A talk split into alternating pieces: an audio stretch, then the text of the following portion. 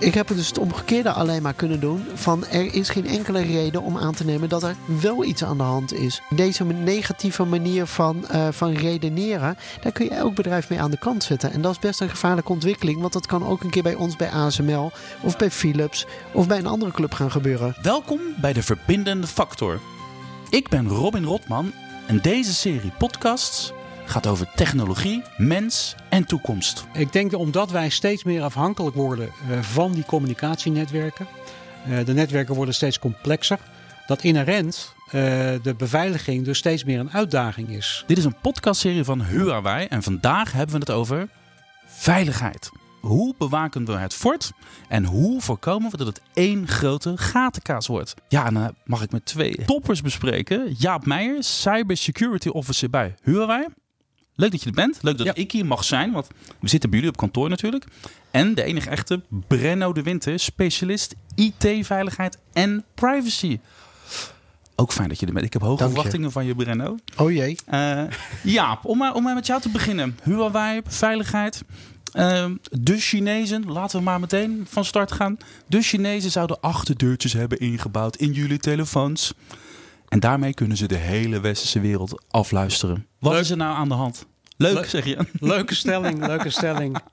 ik moet jij helaas teleurstellen. Oh ja, joh. Uh, Huawei die bouwt uh, zijn private onderneming. En uh, wij bouwen inderdaad telefoons. Mm -hmm. en ik kan in die zin de garantie afgeven dat wij geen achterdeuren inbouwen.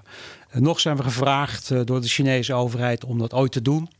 En mochten we wel gevraagd worden om dat te doen, dan is het antwoord categorisch nee. Gaan we niet aan meewerken, want dan kunnen we onmiddellijk ophouden. Maar dit verhaal achtervolgt jullie al jaren, geloof ik inmiddels, hè? Ja, dat is uh, uh, helaas het geval. Uh, we doen er alles aan om aan iedereen te laten zien waar onze producten voor staan.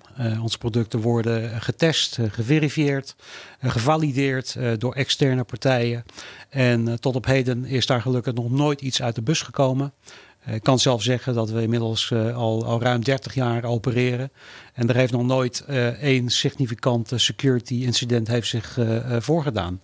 En volgens mij is dat een van de beste bewijsvoeringen die je kunt, die je kunt hebben. En we doen er ongelooflijk veel aan om, om ervoor te zorgen dat daar ook echt helemaal niets gaat gebeuren. Ja. Brenno, geloof jij hem? Nou kijk, als het gaat over achterdeurtjes en ons bespioneren. Ja. Um, dat is wel echt een van de meest opvallende manieren van um, uh, bezig zijn. En dan was dat ook inmiddels wel veel harder geweest. Dan hadden we daar bewijs van gezien. Uh, dus dat, dat massaal afluisteren, dat kun je niet doen zonder internetverkeer te genereren. Mm -hmm. uh, dat zien we niet. Uh, alle verhalen die er zijn, zijn vooral um, zeg maar, angsten die worden uitgesproken. En niet dat je ja, bewijs ziet. Dus het enige waar je dan nog bang voor zou kunnen zijn, is dat uh, China een grote kill switch heeft om uh, alle apparaten plat te gooien. Maar goed, dan kun je dan, diezelfde angst zou je dan ook kunnen hebben voor Amerikaanse apparatuur. Uh, dus nee, ik vind dat niet, uh, niet de manier waarop we moeten gaan kijken. Want dan kijk je alleen maar naar de afkomst van iemand en, of van een bedrijf en niet naar uh, zeg maar het hele handelingsperspectief. Dus eigenlijk als de Chinezen ons al zouden afluisteren, dan zouden ze dat niet op zo'n manier, dan zouden ze dat nee, geraffineerder dan, doen. Dan zie, je, dan zie je dat op, op internetverkeer en er wordt niet weinig gemonitord door mensen. En er wordt en juist bij bedrijven waar twijfel over is, daar, wordt, daar zijn zeg maar alle ogen op gericht. Dus daar wordt ook wel door onafhankelijke beveiligingsonderzoekers naar gekeken. Dan hadden we inmiddels wel van dit soort verhalen met wat meer onderbouwing gezien. Hm. Nou, en dan hoor je dus een Amerikaanse president roepen dat, uh, dat Huawei boeven zijn. En dan in, in, in, in Engeland komen jullie niet op het netwerk. Hoe kan dat dan?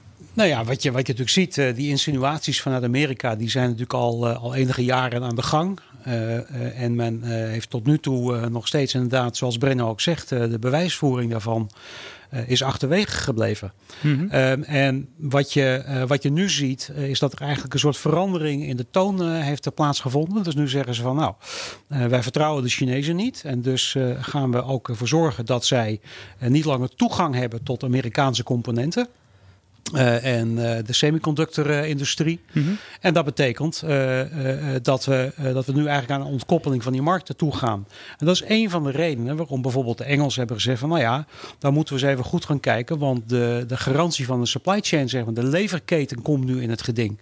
En dat was een van de hoofdargumenten waarom de Engelsen nu besloten hebben om Huawei in ieder geval voor, vooralsnog even niet toe te laten. En dat is dus het gevolg van geopolitieke bullshit gelul. Mag ik dat zo zeggen? nou, er is wel wat meer aan de hand dan natuurlijk eh, alleen maar geopolitiek bullshit eh, gelul. Er zijn natuurlijk wel meerdere machtsconcentraties Mhm. aan het ontstaan. Eén in de, eh, de VS, Europa, dat is inmiddels niet meer een eenheid te noemen. Eh, maar dus ook, ook richting China. En als je, wat het gevolg van deze ontkoppeling is, zonder dat wij een goed alternatief hebben, is dat je ja, eigenlijk de productie aan alle kanten in gevaar gaat brengen. Want wat je nu ook gaat zien is, eh, bijvoorbeeld, we zien nu Google door Trump ontkoppeld worden eh, van, van Huawei. Nou, het gevolg daarvan is dat ze met een eigen besturingssysteem gaan komen. Dus je, gaat, je ziet nu die, die machtsblokken ook op meerdere punten ook technologisch een beetje opbreken. Dat kan op zich trouwens, hoeft dat niet noodzakelijkwijs alleen maar slecht te zijn. Maar besef wel dat het gemiddelde mobieltje wat je in je broekzak hebt, ongeacht het merk zo'n beetje, daar zitten wel heel veel Chinese componenten in. En wordt allemaal in China gemaakt eigenlijk. Nou, ik was wel pas grappig iemand van nee, ja, als je een Chinese telefoon eh, koopt, dan moet je het ook maar voor lief nemen dat er wordt gespioneerd. Ik zeg, wat heb je zelf? Eh, ja, een iPhone. En waar denk je dat die gemaakt wordt? Dat is, weet je, wij zijn wel heel erg met elkaar verweven. Dus dit is wel problematisch. Maar dat is natuurlijk ook waar, hè, Jaap? Het komt allemaal uit China. Het is, nou, er komt heel veel uit China. Eh, eh, het komt zeker niet allemaal uit China. Maar we halen een willekeurig product uit elkaar. Of het nu een laptop is, of een televisie, of een telefoon, of een, of een internetrouter.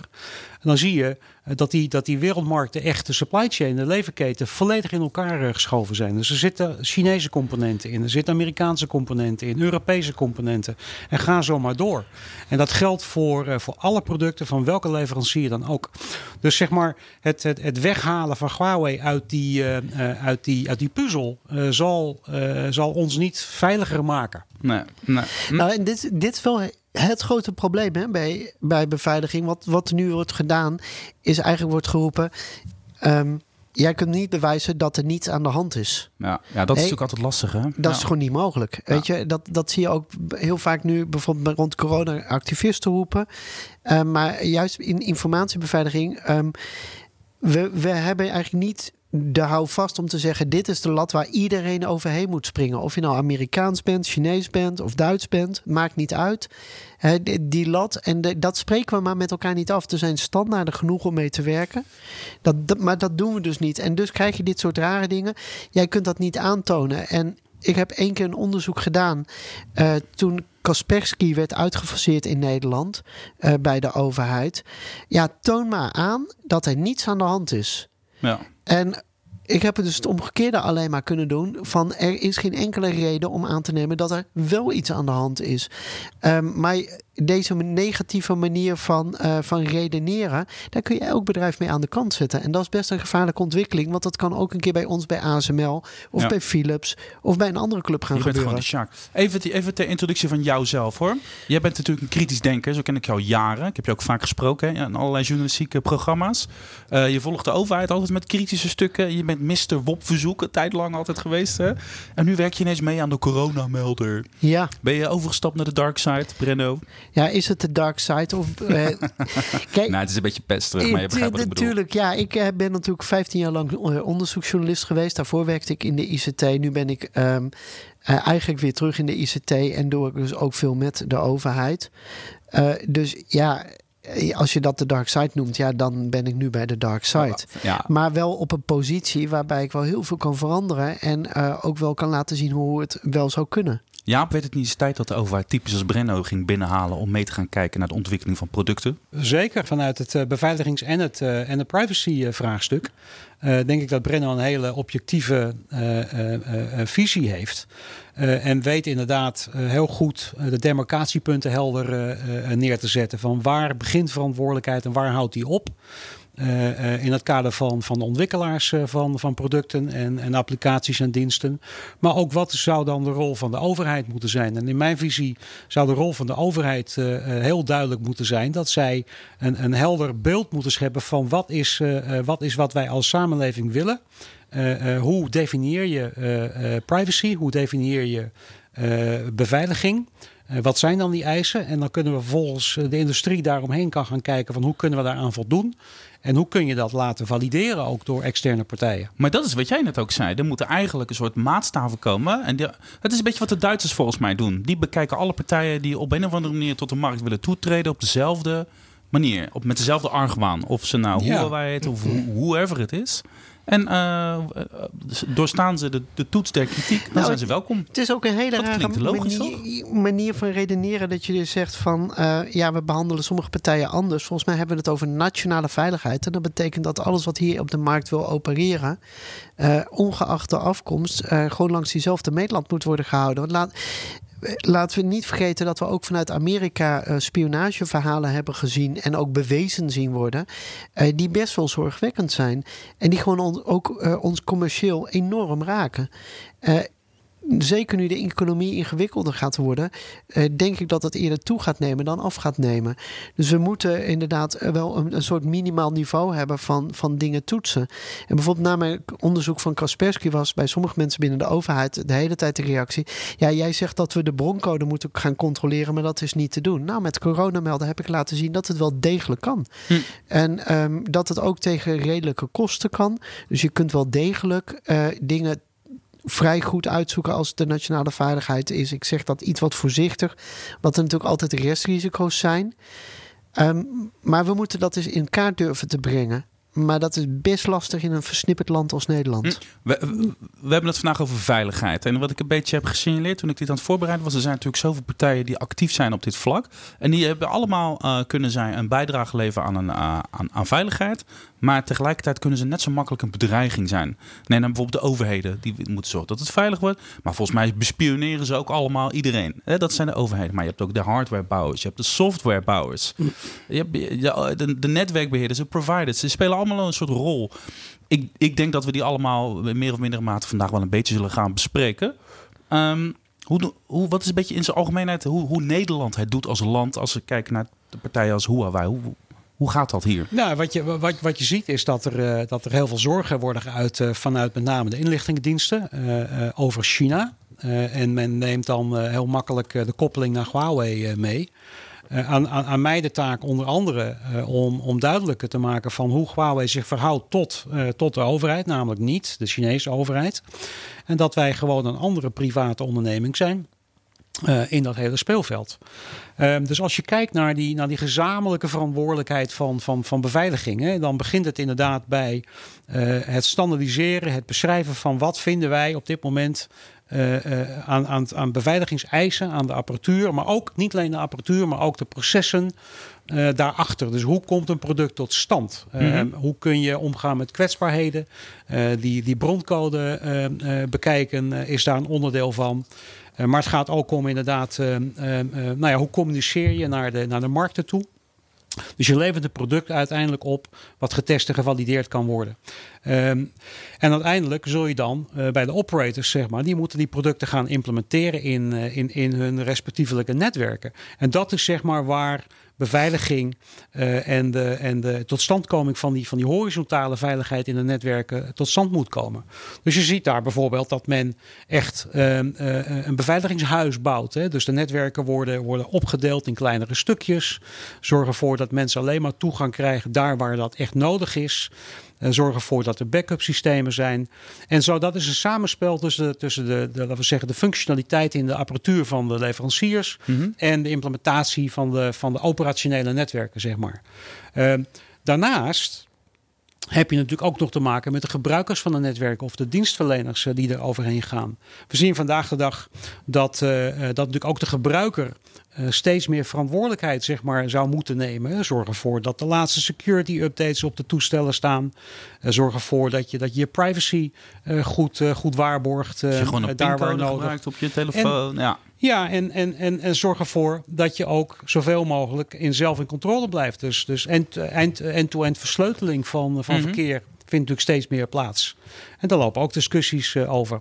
Dus het is een samenspel eh, van al die partijen die bij Oké, dus al die partijen die hebben, jij beschrijft nu dat samenspel van al die partijen die hun eigen verantwoordelijkheid hebben. En Brenno, als- we hadden het net over de overheid. Heb jij het gevoel dat in Nederland, de Nederlandse overheid, dat daar genoeg know-how is, dat ze genoeg weten van oké, dit en dit en dit en dit hebben we aan de voorkant en aan de achterkant nodig om het veilig te houden? Is daar genoeg, hebben we dat goed in, in, in kaart? Kunnen we het genoeg Ja, we hebben wel eh, de know-how in huis in Nederland. Alleen we hebben het zo versnipperd eh, dat het niet meer effectief aanspreekbaar is. En dat is een heel groot probleem. Dus we hebben een, deeltje, een deel bij de coördinator terrorismebestrijding zitten, een deel bij het Cybersecurity Center, een deel bij uh, uh, ZCERT voor de zorg, een deel. en daar wordt wel wat uitgewisseld. Een privacywaakhond. Is ook weer iemand die er. Ja, daar zit ook enige kennis. Um, maar um, het komt niet op de juiste manier bij elkaar. En dat is heel problematisch. En, en uh, ook die uitwisseling loopt, loopt best moeizaam. De regie is, is ook versnipperd, want iedereen is overal, uh, overal een beetje van. Moet er een soort staatssecretaris van IT-veiligheid komen dan of zo? Nou, dat zou ik geen gek idee vinden. En dat zou uh, bijvoorbeeld in, in Duitsland wordt ook heel sterk aangeleund tegen het Bundesamt voor de Sicherheit in de, in de informationstechniek.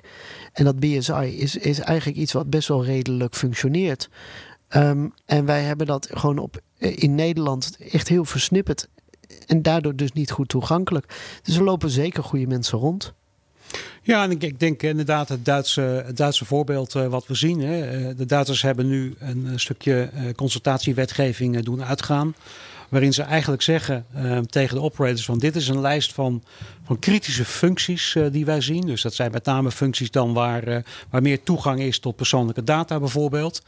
En laten dan aan de operators, uh, uh, laten we zeggen, de analyse uh, doen van in welke producten wordt nou die functionaliteit ingezet. En mochten die producten erin zitten, dan stellen wij voor dat je die producten voorlegt ter certificering. Als een startpunt van, van, van het bouwen van een vertrouwensrelatie. Hm. He, daarbovenop komen dan uh, additionele waarborgen die door de leveranciers uh, uh, gegeven moeten gaan worden. Op boete van significante boetes, boeteclausules mochten ze zich daar niet aan houden. Als blijkt ja. dat ze zich daar niet aan houden. En dat zou een goed startpunt kunnen zijn. En dan maakt het niet zo uit of je bij Huawei of Apple of het maakt allemaal niet exact, dat is nou. gewoon een, een, gelijk speelveld voor, voor alle partijen die zich daarin in begeven. Een van de, van de nadelen vinden wij in Nederland is, is dat er relatief weinig openheid van zaken wordt gegeven over wat zijn dan nu precies de eisen. Waar vinden wij, welke functies vinden wij kritisch of welke kroonjuwelen Um, um, um, hebben we het over. En dat betekent dus uh, dat uh, niet alleen de operators, maar ook bijvoorbeeld de hele zakelijke uh, markt. Mm -hmm. in Nederland niet precies weet waar ze, aan, waar ze aan toe zijn en welke eisen ze moeten voldoen om producten in hun netwerken te kunnen in, in, Daar lopen jullie dus tegenaan. Daar lopen wij tegenaan. En besef over ook dat, dat dit soort signalen, als, je, als we daar niet een antwoord op vinden, dat het dan op een gegeven moment aantrekkelijker wordt om gewoon in, over de grens in Duitsland te gaan zitten en dan de Nederlandse markt te gaan bedienen omdat er ook op uh, uh, informatiebeveiligingsgebied de Cybersecurity Act is. Uh, waar straks een, reeks aan normeringen over heel Europa worden uitgestort. En als Nederland gewoon lekker zijn eigen koers blijft varen en niet zich aanha aanhaakt bij die internationale normen. En mijn beeld is toch dat dat te weinig gebeurt. En dat we dan gewoon de boot gaan missen. Controle en, kwijtraken. Nou, wat je heel veel ziet is dat er best wel veel beveiligingsbedrijven zijn die allemaal eigen normen hebben ontwikkeld en eigen dingetjes aan het doen zijn. En allemaal hartstikke lief. Maar het sluit niet aan in het grotere geheel. En uh, Europa heeft eigenlijk gewoon nu met de vuist op tafel geslagen en gezegd: uh, er is nu een Europese regelgeving die zegt we doen dat op een uniforme manier. En wij haken daar onvoldoende op aan. En dat, dat, dat is best lastig. En misschien wel een leuk voorbeeld bij coronamelder. Um, moesten er op een gegeven moment een aantal penetratietesten worden gedaan. Um, en uh, er wordt eigenlijk in Nederland gezegd: Nou, doe maar een kilootje, uh, doe maar een kilootje testen. En ik wil zekerheid. Dus ik ben gewoon met de standaarden gekomen die ervoor staan. En dan is het best lastig om een bedrijf te vinden dat niet alleen die standaarden wil afwerken, maar ook naar mij wil zeggen: op die dag, op die tijd hebben we de volgende test gedaan. En dat bewijst dat jullie dat stukje van die norm hebben afgewerkt conform. Um, en uh, uiteindelijk is dat dus wel gelukt en hebben dus op die manier uh, zeg maar, die penetratietest doorlopen. Maar dan heb je er ook wat aan. Dat betekent ja. dat we een heleboel voorbeelden hebben van penetratietesten die in mijn ogen brandhout zijn. Er wordt nogal wat geroepen over Huawei door de critici. Ik heb iets leuks bedacht. We gaan even connecten met de critici. Dus ik heb op internet een beetje gezocht naar reacties van mensen over Huawei. En kijken wat, wat ze nou eigenlijk allemaal te melden hebben. Een twitteraar, Jaap, hoe rijmen jullie de markttoegang tot een open samenleving zoals Europa met het faciliteren van technologie in China uh, voor het in stand houden van surveillance staat al daar? Oftewel, het gaat over die Chinezen die gebruiken die technologie voor een, een controlestaat uh, en dat houden wij in stand door, uh, nou ja, et cetera. Iedere rechtgeaarde Europeaan zou daar toch afstand van moeten nemen? Ja, interessante vraag. Hè? Uh, nou, kijk, het, is eigenlijk heel simpel. Uh, Huawei, uh, wij, wij zijn een leverancier van producten. Ja. en wij verhouden ons niet tot, tot politiek. met onze apparatuur worden er allerlei hele mooie en goede dingen worden er gedaan. De digitale transformatieprocessen die worden daarmee ondersteund. En, en wij als economie, ook, ook hier in Nederland, worden daar, worden daar beter van. Dat betekent natuurlijk niet ehm, ehm, eh, eh, dat je niet kunt constateren dat die apparatuur ook voor minder goede doeleinden ingezet zou kunnen worden. Ja, maar ja, wat Brenno, dat is natuurlijk het oude verhaal. Hè? Technologie is uh, van zichzelf amoreel. Je kan het doen, je kan ermee doen wat je wil. Je kan het slecht inzetten of goed inzetten. Ja.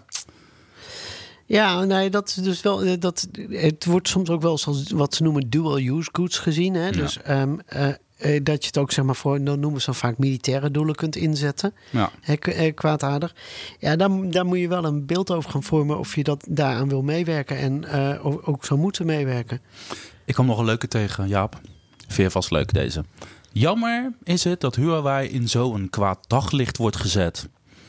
Ondanks dat er geen concrete bewijzen zijn. Hoe gaat Huawei hiermee om en hoe ziet Huawei de toekomst is er nog wel toekomst voor jullie als het zo door blijft gaan? Dat denk ik wel.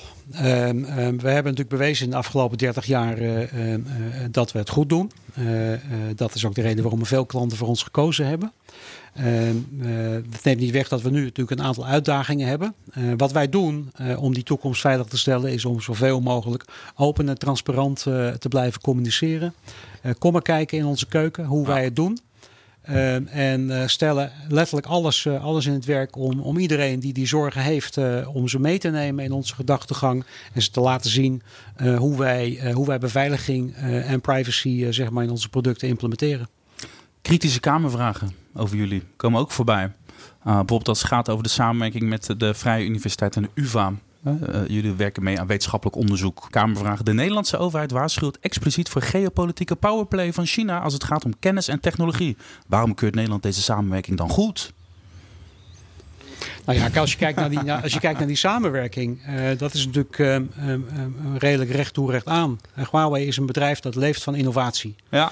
Ehm, en uh, wij worden nu geconfronteerd met, met een nieuwe werkelijkheid, waarin uh, met name de Amerikanen ons afsnijden van een stuk van de supply chain. dus ook de Google services bijvoorbeeld. Dus als je kijkt naar onze consumentenmarkt, dan moeten wij dingen daar nu zelf gaan ontwikkelen. En dat is een van de dingen die we samen met de universiteiten nu, nu doen. Uh, om te kijken van hoe kunnen wij uh, zoekmechanismes uh, verbeteren.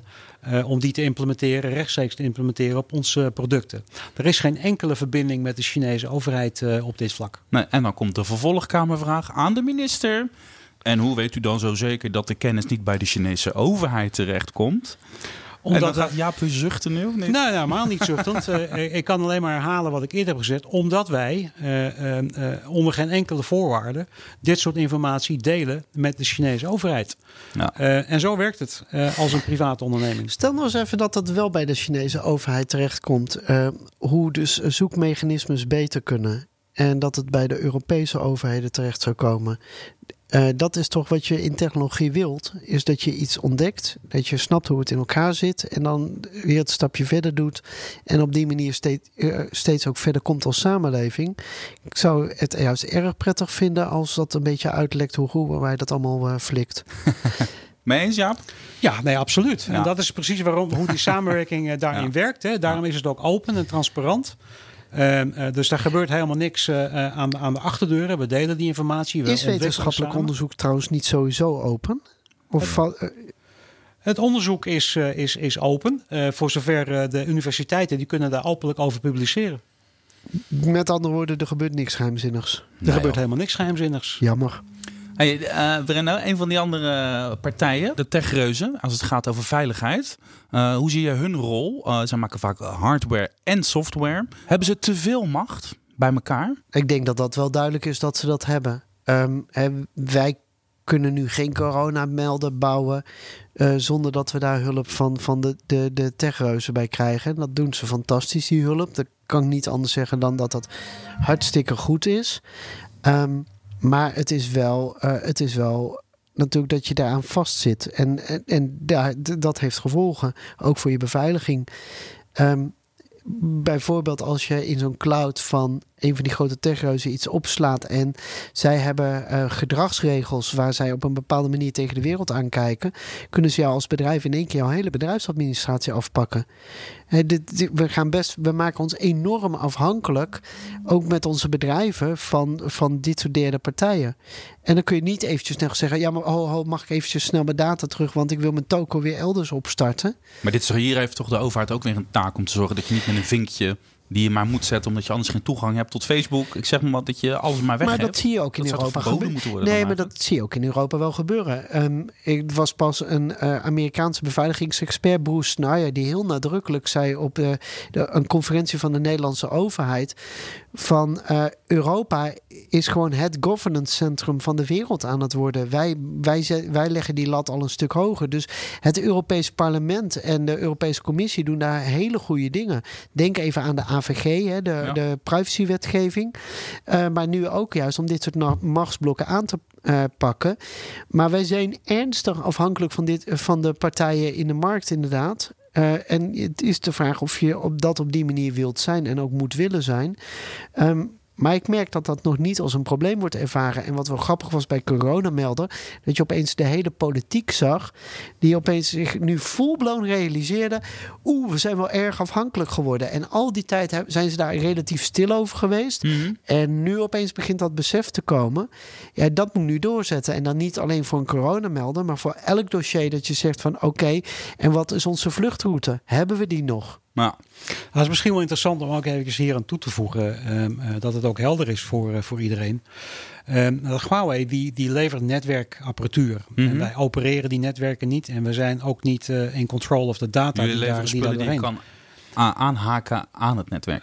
exact, exact. Hè? Dus wij zijn nooit en ten nimmer zullen wij persoonlijke data zeg maar, omzetten in een, in een commerciële waarde. Dat is niet wat wij doen.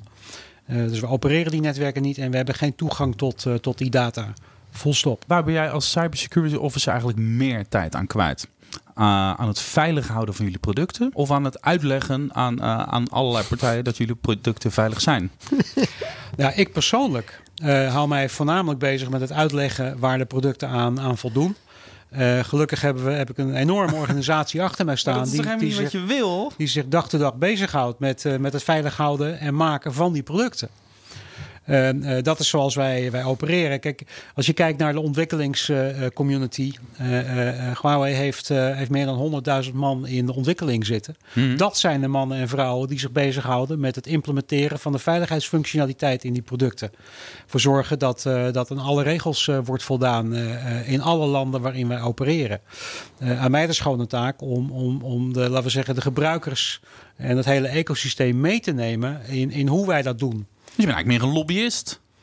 Uh, in, in sommige Chief technology ja, lobbyist. Ja, enigszins op dat vlak uh, zeker, ja. Ah. ja. Vind je dat leuk? Ja, dat is ontzettend leuk. Uh, en zolang er nog ehm, voldoende zorgen blijven, blijf ik daarmee doorgaan. en dat neemt natuurlijk niet weg dat er af en toe enige vorm van frustratie natuurlijk ook is van weer dezelfde vraag. Het, het, er zijn zoveel onderbuikgevoelens. Klinkt wel als job security. Ja, als je, als je het zo zou willen zien. En uh, nee, er is eh, echt geen, uh, geen saai moment uh, wat dat betreft. En, ik, ik, ik vergelijk het wel eens, weet je, zolang je nog moet uitleggen hoe dat nou op, zijn, op zijn plek zit op, op verjaardagen, dan nu de laatste tijd even wat minder. Mm We zien elkaar wat minder. maar dan zie je dat er nog heel veel werk aan de winkel is om, om dat uit te dragen. En om te laten zien hoe wij, uh, hoe wij georganiseerd zijn. Kun je dat krachtenveld te schetsen? Jullie zijn dus de hardwarebouwer. Jullie maken dus spulletjes die je dus aan dat netwerk kan hangen. Maar je hebt dus de operators. Je hebt de netwerkbeheerders. We hebben net een beetje de rol van de overheid geschetst. Kun je dat krachtenveld uh, schetsen? Hoe werkt dat in de, in de, praktijk? Nou, hoe dat, hoe dat in de praktijk werkt, hè, is dat je natuurlijk vanuit uh, de innovatie uh, zijn er allerlei standaardisatiediscussies uh, over waar, waar de diensten naartoe moeten, waar de producten naartoe zouden moeten om bepaalde diensten mogelijk te maken. dat zie je bijvoorbeeld op het gebied van, van mobiele communicatie in standaardisatiebodies, 3GPP en allerlei andere illustratie. 3GPP? 3GPP is een, is een, is een technische standaard mm -hmm. die, uh, die ontwikkeld wordt door de industrie. Dus allemaal op basis van consensus. Alle partijen, operators, leveranciers kunnen daar hun ideeën aanbrengen. eh, van hoe zij denken dat bepaalde ehm, eh, vraagstukken geïmplementeerd zouden kunnen worden. En op basis daarvan komt daar dan een consensus uit. Dan noemen we dan even concreet. Even concreet. Dit, vind ik ingewikkeld. Neem nou 5G. Dat is heel actueel. Dat wordt nu eh, inge- ge- gebouwd. Overal op de wereld is men met 5G bezig. Overheden vinden er wat van. Bedrijven zijn ermee bezig. En wij moeten er allemaal van gaan profiteren in de toekomst. Of misschien nu al een beetje. Ehm, en dan zitten al die concurrenten bij elkaar aan tafel. Samen met de, de operators en de netwerkbeheerders. En die moeten dan gezamenlijk eh, tot een soort overeenkomst komen. Wat een soort standaard wordt. Dat is eh, precies wat er gebeurt. Dat is toch Ja. onhandig, Brenno? Dat nee, is juist toch, niet. is, dat, is dat niet... Nee, dat is toch hoe heel internet aan elkaar hangt? Maar zouden de overheden daar niet een soort leidende rol moeten spelen? Zo willen we het hebben en jullie vreten het maar? Of nou, ik denk, ik denk dat- dat, hebben we ehm, een beetje geprobeerd met eh, de ITU, de, in- eh, de International Telecommunications Uni- eh, Union. Die maakte alle telefoniestandaarden, zeg maar. Ja. Ehm, een leuke anekdote, ergens eh, 1999. Ik ben onderweg naar Zuid-Afrika en er zit dus iemand van de ITU. En ik raak met die man een beetje aan de praat. En ik zeg op een gegeven moment, what's the latest gossip? En die zei toen tegen mij de magische woorden... Young man, at the ITU we know everything three years in advance. We do not do gossip. en dat illustreert Ja, precies ja, hoe zo'n zo'n proces dan zou gaan lopen. En wat je wilt, is juist natuurlijk dat je met innovatie nog wel iets voor elkaar krijgt. En dat er op een gegeven moment gewoon meters worden gemaakt. Dus dat dat niet, eh, dat dat niet eindigt in, in eh, door overheid gereguleerde bodies. Ehm, we hebben gewoon prima standaarden eh, bodies die dit gewoon goed aankunnen op dit moment. Dus ja, En daar kijkt de overheid natuurlijk wel mee. Dat is, ik aan. het- zie denk ik dan nu bijvoorbeeld is, aan, dat is nu bijvoorbeeld eh, exact wat er gebeurt. Hè? Wat bijvoorbeeld eh, de Duitse eh, eh, sicherheidsdiensten aanbevelen eh, aan, aan de Europese standaardisatieorganisaties. Jongens, houden jullie nu bezig met, eh, laten we zeggen, de wettelijke kaders eh, waarin je zegt van hoe dingen georganiseerd moeten worden. Maar laat nu de technische specificaties van aan welke, aan welke eisen moeten de producten en de processen voldoen. Laat dat nu over aan de experts. Daarmee kun je namelijk een, een, een soort dynamiek laten ontstaan. Waarin je kunt bijblijven met alle technologische ontwikkelingen die plaatsvinden. Het is niet, het is niet dat, dat, eh, dat er zomaar wat gebeurt. Ehm, eh, voordat jij bijvoorbeeld een Etsy-standaard hebt, moet je echt wel door een aantal hoepeltjes springen. Maar laat, eh, zeg maar, als het over beveiliging gaat, laat wat nu voor certificering nodig is, laat dat dan inderdaad over aan de overheid. En dat is in dit geval in Europa ENISA. Dat is de organisatie daarvoor. Ehm, en dan laten we even ons dan de billetjes samenknijpen dat Nederland zich daar ook aan gaat houden. Want anders hebben we, zijn we straks gewoon uitgespeeld. Nou, Nederland heeft natuurlijk inmiddels aangegeven in een, in een concept eh, wetsvoorstel eh, eh, over implementatie van de Cybersecurity Act. Mhm. Dat zij ENISA willen mandateren eh, om die technische specificaties eh, te, gaan, eh, te gaan ontwikkelen. Ja, maar het is nog wel dat ik nog steeds zie dat wij daar niet heel erg actief zijn. En ik krijg nog steeds signalen van mensen die bij dat soort processen betrokken zijn. Van eh, nou, Nederland is wel een beetje de grote afwezige. Nou ja, je, je ziet die, die, die afwachtende houding inderdaad eh, wel enigszins. Alhoewel ik wel het gevoel heb dat er achter de schermen best wel veel gebeurt. En, en we hebben die kennis eh, aanwezig. Eh, maar dat men op dit moment inderdaad eh, wat meer kijkt naar, eh, eh, naar de grotere landen. en naar Duitsland eh, eh, eh, wellicht met name. Van hoe die, dat, hoe die voorstellen geformuleerd worden. Om daar dan bij te kunnen aansluiten. Ja, maar dat een- is wel heel schadelijk voor Nederland als, eh, als wij eigenlijk een beetje het landje zijn wat er een beetje bij hangt. Ehm, we doen het al niet zo fantastisch in Europa. Dat we dat dus nou ook op informatiebeveiligingsgebied dan aan het laten afweten zijn, dat is niet echt heel erg gunstig. Oké. Ik zei aan het begin al, de wereld is meer en meer connected. In, inmiddels is alles connected. Is, is het nou veiliger geworden dan 10, 20 jaar geleden? Of, eh, of niet? Ja, dat, vind ik een hele, dat vind ik een hele lastige vraag. Eh, ik denk dat omdat wij steeds meer afhankelijk worden eh, van die communicatienetwerken. de netwerken worden steeds complexer. Dat inherent de beveiliging dus steeds meer een uitdaging is. En dat is ook precies de reden waarom we de discussies eh, voeren die we nu, eh, die we nu voeren. Dus het is een continue eh, strijd om bij te blijven, om de beveiligingseisen aan te scherpen. En niet alleen qua producten, maar ook qua operationele inzetbaarheid van die producten en het gebruik van die netwerken. En waar zit wat jou betreft nou het grootste probleem of het grootste gevaar? Waar moeten we echt op gaan letten? Nou, het grootste gevaar uh, schuilt hem hierin, denk ik, dat wij uh, te maken gaan krijgen met een, uh, met een ontkoppeling van veiligheidseisen. Hoe meer we harm, harmonieuze eisen kunnen hebben, mm -hmm. dus, dus laten we zeggen over heel Europa bijvoorbeeld heen, des te beter zijn we met elkaar in staat om die dienstverlening, die, die zich niet houdt aan landsgrenzen, die zich niet houdt aan het netwerk mm -hmm. van één operator. Dus als wij uniforme eisen gaan hebben waar iedereen aan moet voldoen, dan hebben we een goede kans dat we aan de, uh, dat we, laten we zeggen, de, de beveiligingsuitdaging die we hebben, dat we die onder controle blijven houden. En Brenno, wat, wat denk jij? Nou, ik vind het lastig, want wat, wat is veilig? Is dat dat je, uh, dat je niet zeg maar, met malware dat ding op slot worden gezet?